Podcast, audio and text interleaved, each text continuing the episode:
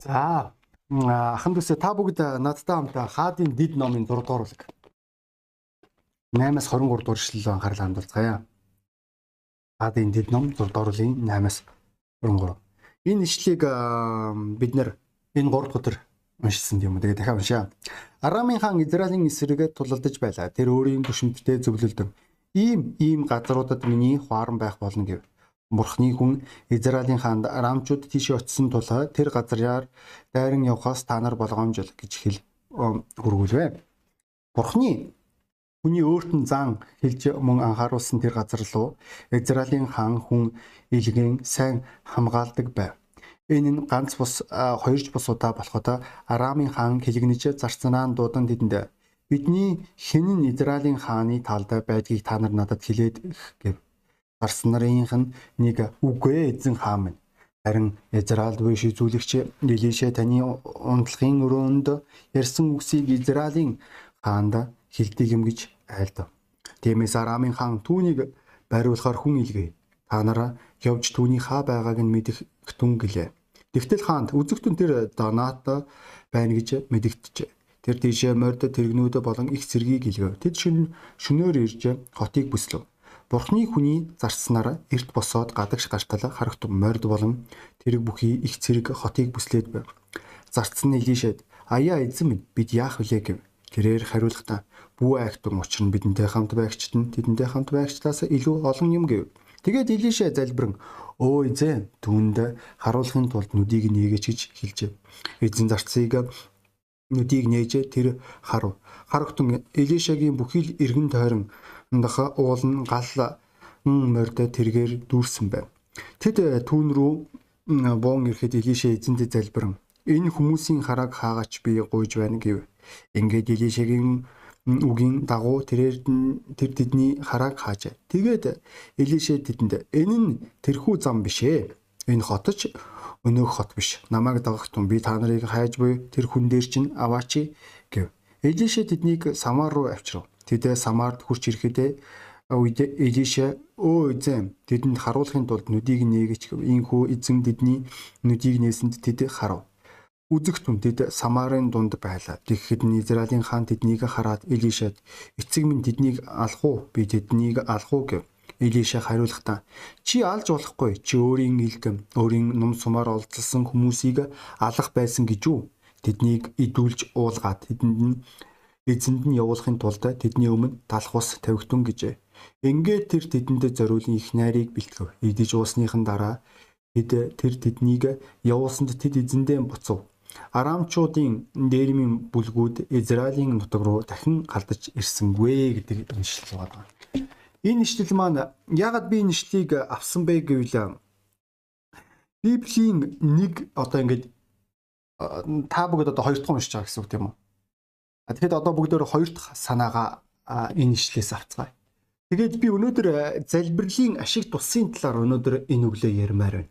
Яг яагаад вэ гэвэл өнөөдөр бид нэр залбирлыг үл тоомсоролдог, зайлсхийдэг, дорд үздэг эсвэл нэг тийм уламжлалын дэг журмын хэв загварлуу шилжсэн зуршлын хэлбэрлүү шилжсэн болохоос чин сэтгэлийн хэлбэрлүү шилжээгүй тийм итгэлийн байр суурьтай итгэгчнэр тунд амьдарч байна олон итгэгчнэрээс өнөөдөр та нар хэрвээ та өдөрт 3 цаг залбирдгүү гэдэг юм бол эдгээр хизээч 3 цаг гэж хэлэхгүй. За хамгийн дээдэлтэй бүр туллаа туллаа хэд 1 цаг.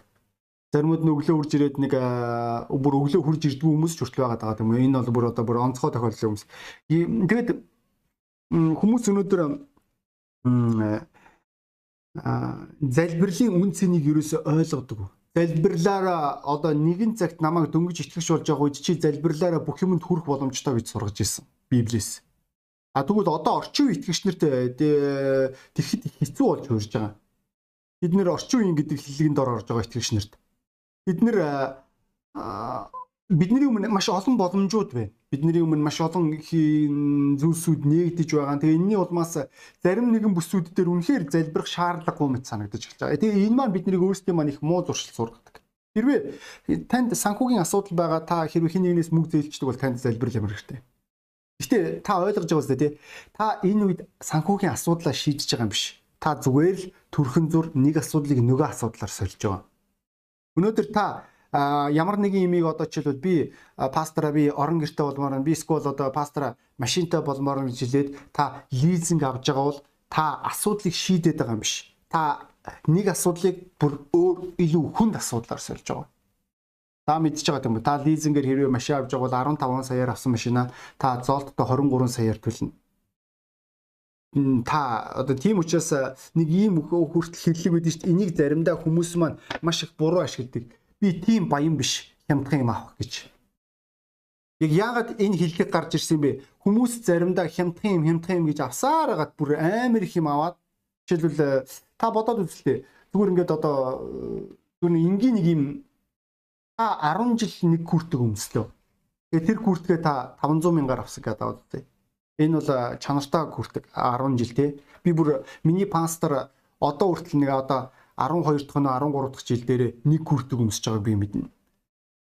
Тэр э, нэг чанартай күртэг авсан. Тэгээ тэр чанартай күртгийг өмсөөр байгаа. Яг яагаад вэ? Яагаад гэвэл э, тэр күртэг нь өөрөө чанар. Магадгүй та модны араас хөөцөлдөг юмнаас их амархан үйддэг бол ойлгомжтой тийм үү? Та хэлгүүл нь одоо жилээс жилдээ солин би заримдаа эхнэрдээ хүртэл тэр нэг хошинжогийн жүжигчдийн хилээдэд хэлхийг ашигладаг. Үнийг хүртэл үүснээс өөдөг байхад тэгээд Гэтэ яг одоо энэ чи э, та нэг жилд нэг 100 үе дээр нэг күртэг авъя.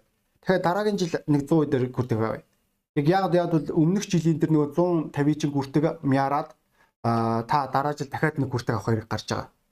Тэгэд ингээ аваад үзэхэд биш тээ та хэрвээ 10 жилд 500 мянгаар нэг гүртэг өмсгөө боломжтой байсан бол та сая төгрөгөөр та 10 гүртэг өмснө гэсэн үг. Сая гарan төгрөгөөр.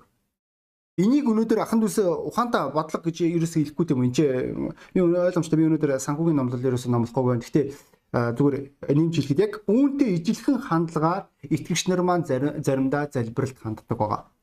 Бид нэр залбирлаар гайхамшигыг олж харахыг хүсдэггүй. Тэд нэр залбирлаар тесрэлтийг олж харахыг хүсдэггүй. Тэд нэр залбирлаар тэд нэр эргэлтийг, өөрчлөлтийг харахыг хүсдэггүй. Тэд нэр өөрт нь ойлгомжтой тодорхой тэр зүйлүүд рүү тэмүүлдэг байгаа. Тэгвэл ахан дүүсээ бидний нэшлэлээр нэг зүйлийг харж болно. Израилийн хааны хувьд одоо бүх юм тодорхой болсон. Арамчууд дайрах нь ойлгомжтой.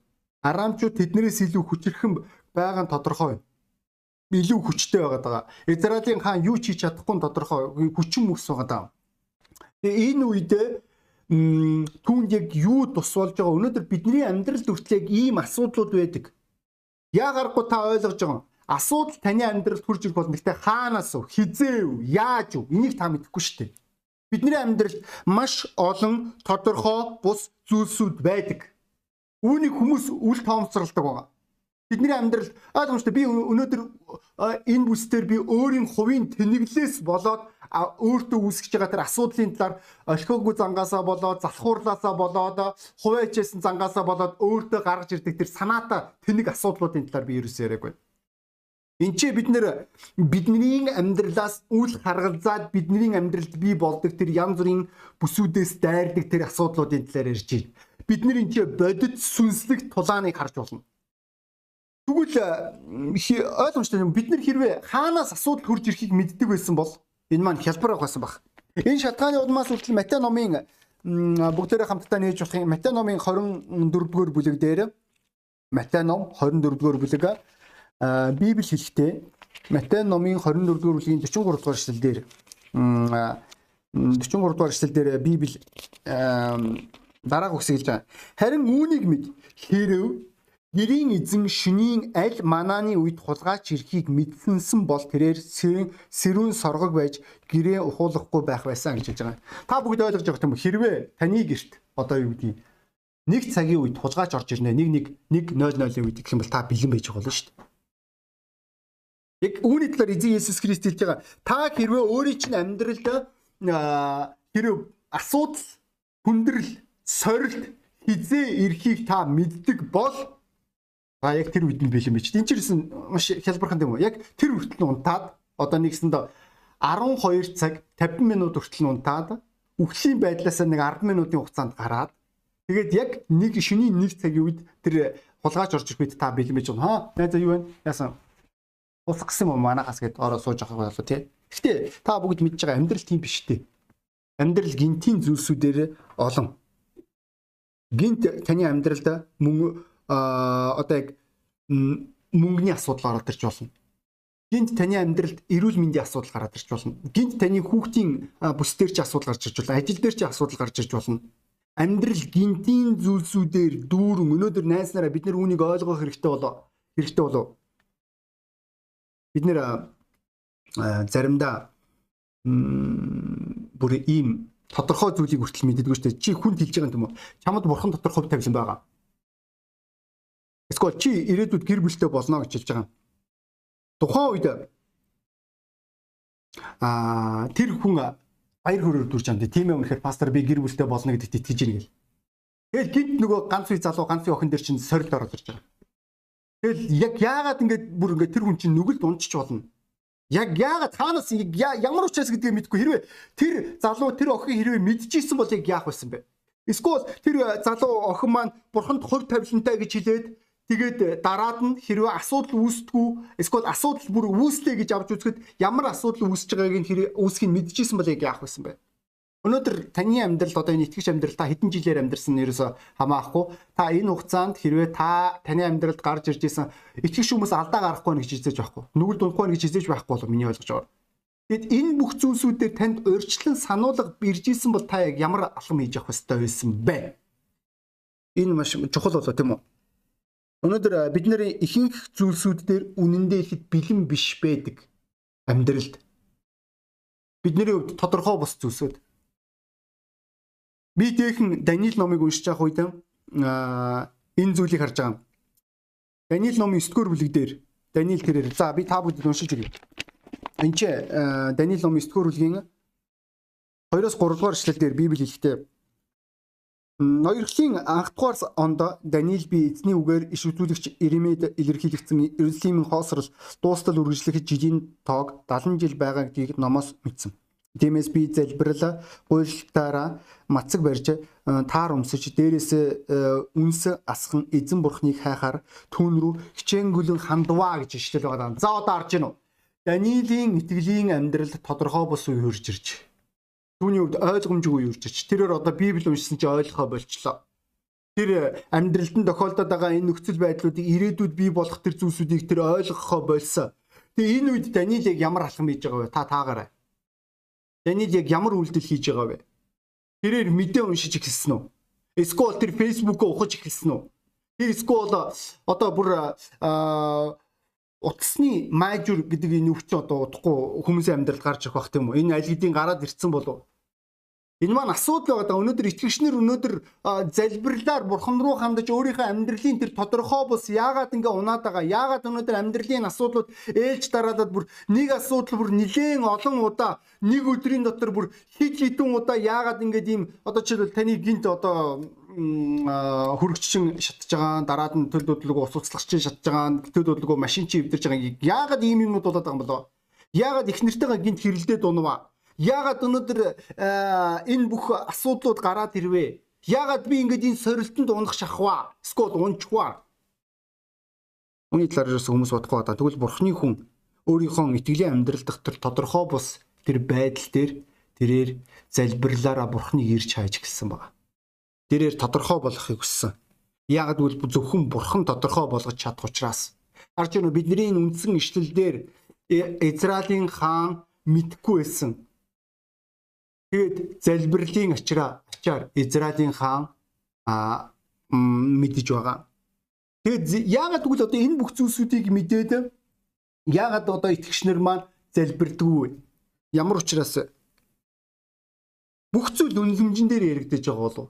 Бүр ялангуяа нүдний харж байгаа үзэж байгаа тэр зүйлсүүд дээр.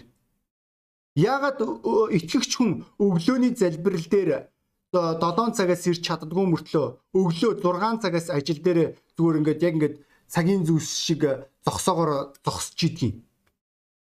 Яг гэвэл та өглөөний залбирал дээр залбирлаас яг тэр даруй үр дүн хардггүй учраас. Та залбирж байгаа тэгээ залбирлын дараа юу болсон та мэддэггүй. Сүнслэг ертөнцид юу болоод байгааг та ойлгодгүй учраас. Таны итгэлийн амьдралын төвшин тийм доогуур байж болно Энэ шалтгааны улмаас та бол цалингаа авч байгаа шүү дээ. Та цалингаа хасуулахыг хүсэхгүй байгаа. Тэгээд энэ нь таны хувьд тодорхой байгаа. Таны ганцхан энэ амьдралд ямар хямдхан үнэлэмж өгд юм уу? Таныг зөвхөн мөнгө хөдлөгдөг бол. Мөнгнөөс болж та өнөөдөр Бурхны хаанчлалын бүх юмыг орхиж байгаа. Өнөөдөр сүмэ, итгэл үнэмшлээ, сайн мэдээ, залбирал, Библи уншлага, хувийн сүнслэг амьдралаа үгүй хийж байгаа. Яг яагаад яагаад бол та юу үнэлж гин түүн лугаал илүү хөрөнгө оруулалт хийдэг учраас өнөөдөр итгэж найз би чамаас асуумаар чи өнөөдрийг юу үнэлж байгаа вэ? Бид нэр өнөөдөр хүүхдийн хүмүүжлийн талаар Библи судлал эхэллээ. Тэгэд уучлаарай үнэхээр нэлээд ширүүх ихсэн бол. Гэхдээ ойлгож байгаа сте тэнцээ Библийн түүх яригдэж байгаа. Бид нэр аав ээжнэр хүүхдүүдийн төлөө залбирдаг бол яаж хүүхдүүд тань бурханд хувь тавилангаа олж авах вэ? Бид нэр өнөөдөр бүх юмыг өнөөдөр харагддаг үзэгдгээр шийдэх юм бол яг л Йошуагийн алдааг давтгал. Та нар санаж байгаа тийм Йошуа номон дээр бид нэр юу гэж хэлж байгаа вэ Библи? Бид нэр тухайн одоо тэр ард түмний өргөлийг аваад эзнээс асуугаагүй гэж хэлж байгаа. Өнөөдөр хэр их олон итгэгчнэр өнөөдөр бурхнаас асуудаггүй вэ? Бид нэр шаардлагыг олж харддаггүй. Бид нэр байнга л асуудал дундаа хутгалтаад ахыг хүсдэг. Асуудал дундаа живхийг хүсдэг байгаа. Бид нэр бурхнаас асуух байгаа. Бид нэр эзнээс асуух байгаа.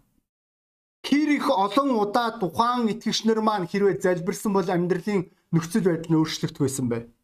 Өнөөдөр амьдралыг өнөөдөр зөвхөн би нүдэрээ харж иж амаараа амталж иж чихээрээ сонсч иж хамраараа үнэрлж иж гараараа тэмтэрж иж итгэн гэдэг ийм ойлголт ерөөсөө байдгүй штэ найснараа бид нар сүнслэг ертөнцид амьдарч байна.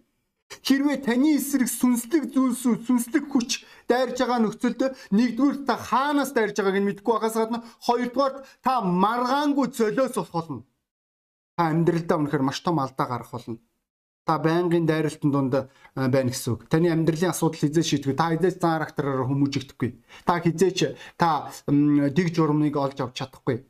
Та хизээч та санхүүгийн бүсдээр ялалт байгуулж чадахгүй. Та хизээч өвчин зовлон дээр та ялалт байгуулж чадахгүй. Та хизээч хүүхдүүдээ хүмүүжүүлж чадахгүй. Та хизээч итгэлийн байр суурин дээр зогсож чадахгүй. Яг яагаад яагаад гэвэл альваа зүйлсүүдийн цаана сүнслэг хүч байдаг учраас энэ болгон дээр та ил тод ойлгож явах маш чухал Энэ худал хуурмаг үгүй юу гэдгийг өчтөр ингээд одоо хэрвээ та сүнслэг амьдрал дээр буюу итгэлийн амьдрал дээр хэрвээ та сүнслэг мэдрэмжтэй бол та сүнслийг ялгах чадвартай бол та нэг зүйлийг ойлгох болно. Энэ бол лөөвөр.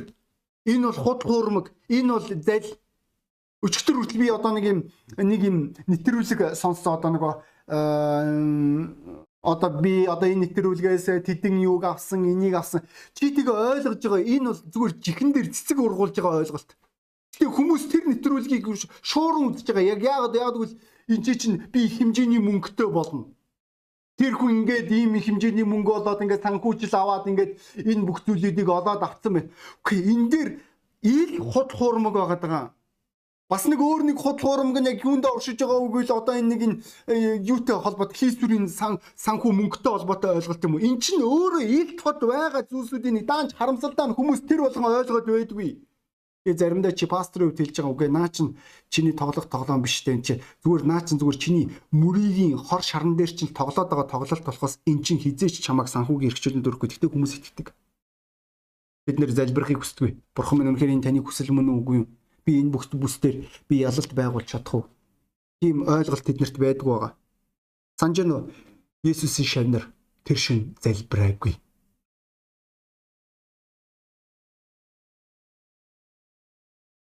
Энэ шалтгааны болоос маш олон итгэгчнэр амьдралдаа бэлэн биш байдаг. Харж байна бидний ишлэлээр юу залбирал өгж байгаа вэ? Яа гарахгүй маргаангүй тийм үү бурхан залбирлаар дамжуулж бидний өмнө сэрэмжлүүлгийг өгдөг бидний өмнө ямар нөх байгаа, ямар өрх байгааг харуулдаг. Харж уу? Арамын хаан тэрээр өрхүүдийг бэлдсэн. Израилийн хаанд зориулж. Тэр болгоныг Илишэ залбирлаар дамжуулаад өөрийн өмнө ил тод болгосон байгаа. Үүний ачаар бүр Библи юу гэж байгаа нэг биш, хоёр биш, түүнээс илүү олон удаа залбирал Израилийн хаанд тусуулж Яг яагаад вэ? Яагаад гэвэл итгэгч найз нь ойлгох хэрэгтэй. Та залбирлаар дамжуулаад энэ өдөр таны амьдралд тохиолдох янз бүрийн сорилтууд, янз бүрийн асуудлууд энэ бүх зүйлсээс өөрчлөн сэргийлэх мэрэгэн ухаан боломж, гарц, хүч чадал энэ бүх зүйлийг та залбирлаар олж авдаг. Бурхан таны өмнө сэрэмжлүүлгийг өгч байгаа. Залбирдаг хүмүүст өнөөдөр энэ бүх зүйл маань ил тод болдог байгаа. Залбирдаг хүмүүст өргөлж тэд нэр урсгалаараа явах болно. Хаашаад салхи ташуурдан тийшээгаал хийсэн гэсэн үг. Өнөөдөр та магадгүй танд өнөөдөр амьдралын тодорхой бус зүйл таалагддаг байж болох юм. Та өнөөдөр үгээр магадгүй та амьдралынхаа удирдахч гэж бодож байгаа үгүй юм биш шүү. Нэ за. Хоёрдугаарт бидний нэшлэлдэр аа харж гинөө залбирал биднэрт 17 дугаар эшлэлдэр бүр бүх юмыг тодорхой харахад тус болгож байгаа. Сүнслэг ертөнцийг ямар байгааг ямар сүнс чиний эсрэг дайраад байгааг худал хуурмгийн сүнс үү давхаарлын сүнс үү шунлын сүнс үү энэ бүх зүйлийг ялган харахад тусалж байгаа. Харж гинөө боол тэрээр бүх сүнслэг зүйлсүүдийг таньж мэдсэн. Түүний өмнө хизээч өмнө нь энгийн нүдээр харахааргүй байсан тэр зүйлсүүдийг тэрээр харж байгаа. Үүний оронд тэрээр зүгээр гутраад, хямраад, гонсоогоод өөрийгөө өрөвдөөд сууж болох байсан уу? Болох байсан. Олон итгэгчнэр үүнийг сонгодог шүү бүр тэгж ярих юм бол. Олон итгэгчнэр өөрийн чадлаараа тэмцэл үзээд байдаг. За тэгвэл одоо бодож үү. Илишэ өөрийн зарцтайгаа бүхэл бүтэн Арамын айрмын эсрэг юу хийж чадах юм? Юу ч хийж чадахгүй шүү дээ. Тэгвэл өнөөдөр эн чинь утгагүй тэнэг ойлголт. Энийг хинч тэнэглэл гэж хэлэх болно. А тэгвэл тэр зарцын өмнө бүх зүйл нэгдснээрээ тэр ганцаараа биш гэдгийг ойлгож байгаа. Бурхан түүнд туслахыг хүсэж байгааг ойлгож байгаа. Бурхны боломж бололцоо ямар хил хязгааргүй асар том гэдгийг ухаан ойлгож байгаа. Илүү гүн зүйлсүүдийг тэрээр мэдэх боломж олдож байгаа. Чи илүү тодорхой ойлгож байгаа. Яагаад чиний амьдралд ингээ байнгын санхүүгийн гачигд хэрээд байгаа. Яагаад чиний амьдралд ингээ бүх юм чин эвдэрч хэмхрээд байгаа. Яагаад чи бусад хүмүүстэй харилцах харилцаан дээр асуудалтай байгаад байгаа. Юуны улмаас яагаад өнөөдөр чи үерхлийн бүсдэр ялагдал амсаад байгаа. Чи яагаад өнөөдөр чи гэр бүлийн бүсдэр чи ялагдламсаад байгаа? Яагаад ажил дээр энэ асуудал энэ бүх зүйл чинь залбирлаар дамжуулж чиний өмнө ил татуулж эхэлдэг байгаа. Чи илчлэлийг олж авдаг. Тэгээ энэ нь чамайг урамшуулдаг гэдгийг өнөөдөр би танд хэлмээр. Давид тэрээр Зекалагт энэ маань 1-р Самуэль 30 дугаар бүлэг дээр байгаа тийм үү? Тэрээр Зекалагт тэрээр маш хүнд нөхцөл байдалд орсон байгаа. Хүмүүс түүнийг алахыг хүссэн. Яг яагаад яагаад гэвэл энэ асуудал тухайн үед боломжгүй байсан учраас Тэр үед э, Библи хэлэхдээ Давид эзэн дотор зоригдсон гэж хэлж байгаа. Тэрээр бусад хүмүүстэй ижилхэн бусдыг буруутгаад, гонсоогоод, хямраад, гутарч өөрийгөө өрөвдөж сууж болох байсан уу? Болох байсан. Гэхдээ өнөөдөр бурхны хүмүүс ийм сонголт хийдгүй шүү найснараа. Бид нэр бурхан дотор зоригждаг. Эзнийг эзэн рүү дуу хоолойгоо өргөдөг. Эзэн түүний үед найдвар болдог байгаа. Бурхан минь та надад ил тод болгооч. Яг юу болоод байгаа бэ миний амьдралд? Яагаад би энэ асуудлаас гарч чадахгүй нэ? Яг юуны улмаас энэ зүйлсүүд миний амьдралд бий болоод байна? Эзэн чиний өмнө нээж өгөх. Эзэн чиний өмнө арга замыг өгөх болно. Эзэн чиний хувьд урамшуулал зоригжуулалт болох болно. Энэ л зүйлийг Израилийн хаан Илишигаас авсан болов. Эли Израилийн хаан мундагдаа биш. Израилийн хаан дуулууртаадаа бүх юмыг олж авсан. Израилийн хаан сүрхийдээ биш. Израилийн хаанд залбирдаг хүн байсан учраас үүний өмнө бүх тэр аюулуудаас тэр бүх өрхүүдээс тэрээр голдож чадсан ба. Өнөөдөр та ухаантай хүн үү? Хэр оюуны чадамжтай вэ? Та өнөөдөр энэ номлыг яг яаж ойлгож байгаа вэ? Та энэ номлын дараа яг ямар шийдвэр гаргах вэ? Та өөрийн залбиралдаа хандах хандлага өөрчлөх үү? Энэ маань гол асуулт байна. Тэгэд хүн болгон толгоо талгаад мэдээ анасаа гэж хүсэж байна. Хүн болгон толгоо удаад мэдээ ансан байгаа үед магадгүй та энэ номлыг анх удаа сонсч иж болох юм тийм ээ. Би өнөөдөр залбирлын талаар ярьсан. Залбирал гэдэг бол шашны зан үйл биш. Энэ бол бурхантай харилцах харилцаа. Тэгвэл бурхан өнөөдөр найз минь чамтай харилцахыг хүсдэг. Чамд туслахыг хүсдэг. Чиний амьдралд энэ тусламж, дэмжлэг, хамгаалалт, ерөөл байхыг хүсдэг байгаа. Даанч харамсалтай нь Бурхан нүгэлт хүний залбирлыг сонсдгүй. Энэ л учраас бид нэр нүглээсээ салах хэрэгтэй болдог байгаа. Тэгвэл бид нэр өөрөө өөрсдөө хизээж аварч чадахгүй. Э энийг Бурхан мэддэг учраас тэрээр өөрийн цорын ганц хүүгээ бидний нүглийн төлөөсийн төлөө дагалмаа дээр цовдлсон. Төвний хүү бидний нүглийн төлөөсийг төлөөд үхээд дахин амьдсан учраас бид нэр Бурханаас чин сэтгэлээсээ нүглийнхаа төлөө уучлалтгүй чин сэтгэлээсээ гимших нүгэлтэнгийн залбирлаар миний өмнө хурж ирж Бурхан минь та миний нүглийг уучлаач. Би таны өмнө нүгэлтэй. Есүс Христ миний нүглийн төлөө загламаа дээр цовдлогдсон гэж хэллээ. Би үүнд итгэж байна. Та миний амьдралд орооч. Би таны тусламжаар дутаж байна. Та намайг өрөөгөөч. Таныг таньж мэдэх боломжийг надад олгооч. Таны миний нүглийг уучлж байгаа уучлалт баярлаа.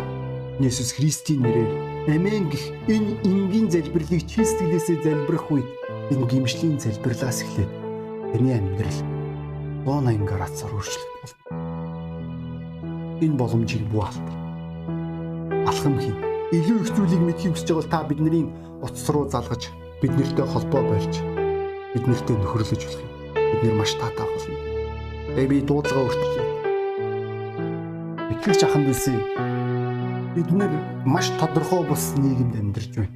Бид нарыг ирээдүйд юу хийхийг хүлээж байгааг бид нэр тэр болгон мэдээд байдгүй Тэгвэл залбирал өнөөдөр чиний өмнө зүйлийг ил тод болгодог. Чиний мэдэхгүй байгаад, чиний ойлгохгүй байгаа зүйлсүүдийг аанаас дайсан дайрч байгааг. Энэ маш онцгой ерөөл гэдгийг ахан дүүсээ бид нэр ойлгох хэрэгтэй. Битгий залбиралд ханд. Битгий залбирлыг зүгээр нэг энгийн үн цэнэгүй зүйлсэд бүү хаваач. Тэгэх юм бол чиний амьдрал дахь асуудал хизээч өөрчлөгдөхгүй. Чи хизээч аа зарактер өөрчлөгдөхгүй чи хизээч ялалт байгуулж чадахгүй. Чи амьдралын золиос авах бол. Тэр байнгын готрол хямрал дунд өөрийгөө өөр үзэл дотор амьдрах гэсэн. Энэ чиний сонголт байх болов найз минь. Би чамайг энэ өглөө ухаантай зөв шийдвэр эзний өмнө гаргаасаа гэж хүсэж байна найз минь. Энэ маш чухал. Тэгээд бүгдөө номлын төсөл залбирцгаая. Тэнгэрлэг эзэм өнөөдрийн номлыг ивэс эцэг тандаа талархч эзэм таны хэвэл таны хариурлж өдөр таамт тохиолдгоо. Тантай харилцаа харилцаа залбирлаа улам бид нар туслаач эсгэн Есүс Христийн цаар. Амен. Та бүгдийн анхааралд баярлаа. Утга зөмөр уулзцгаая.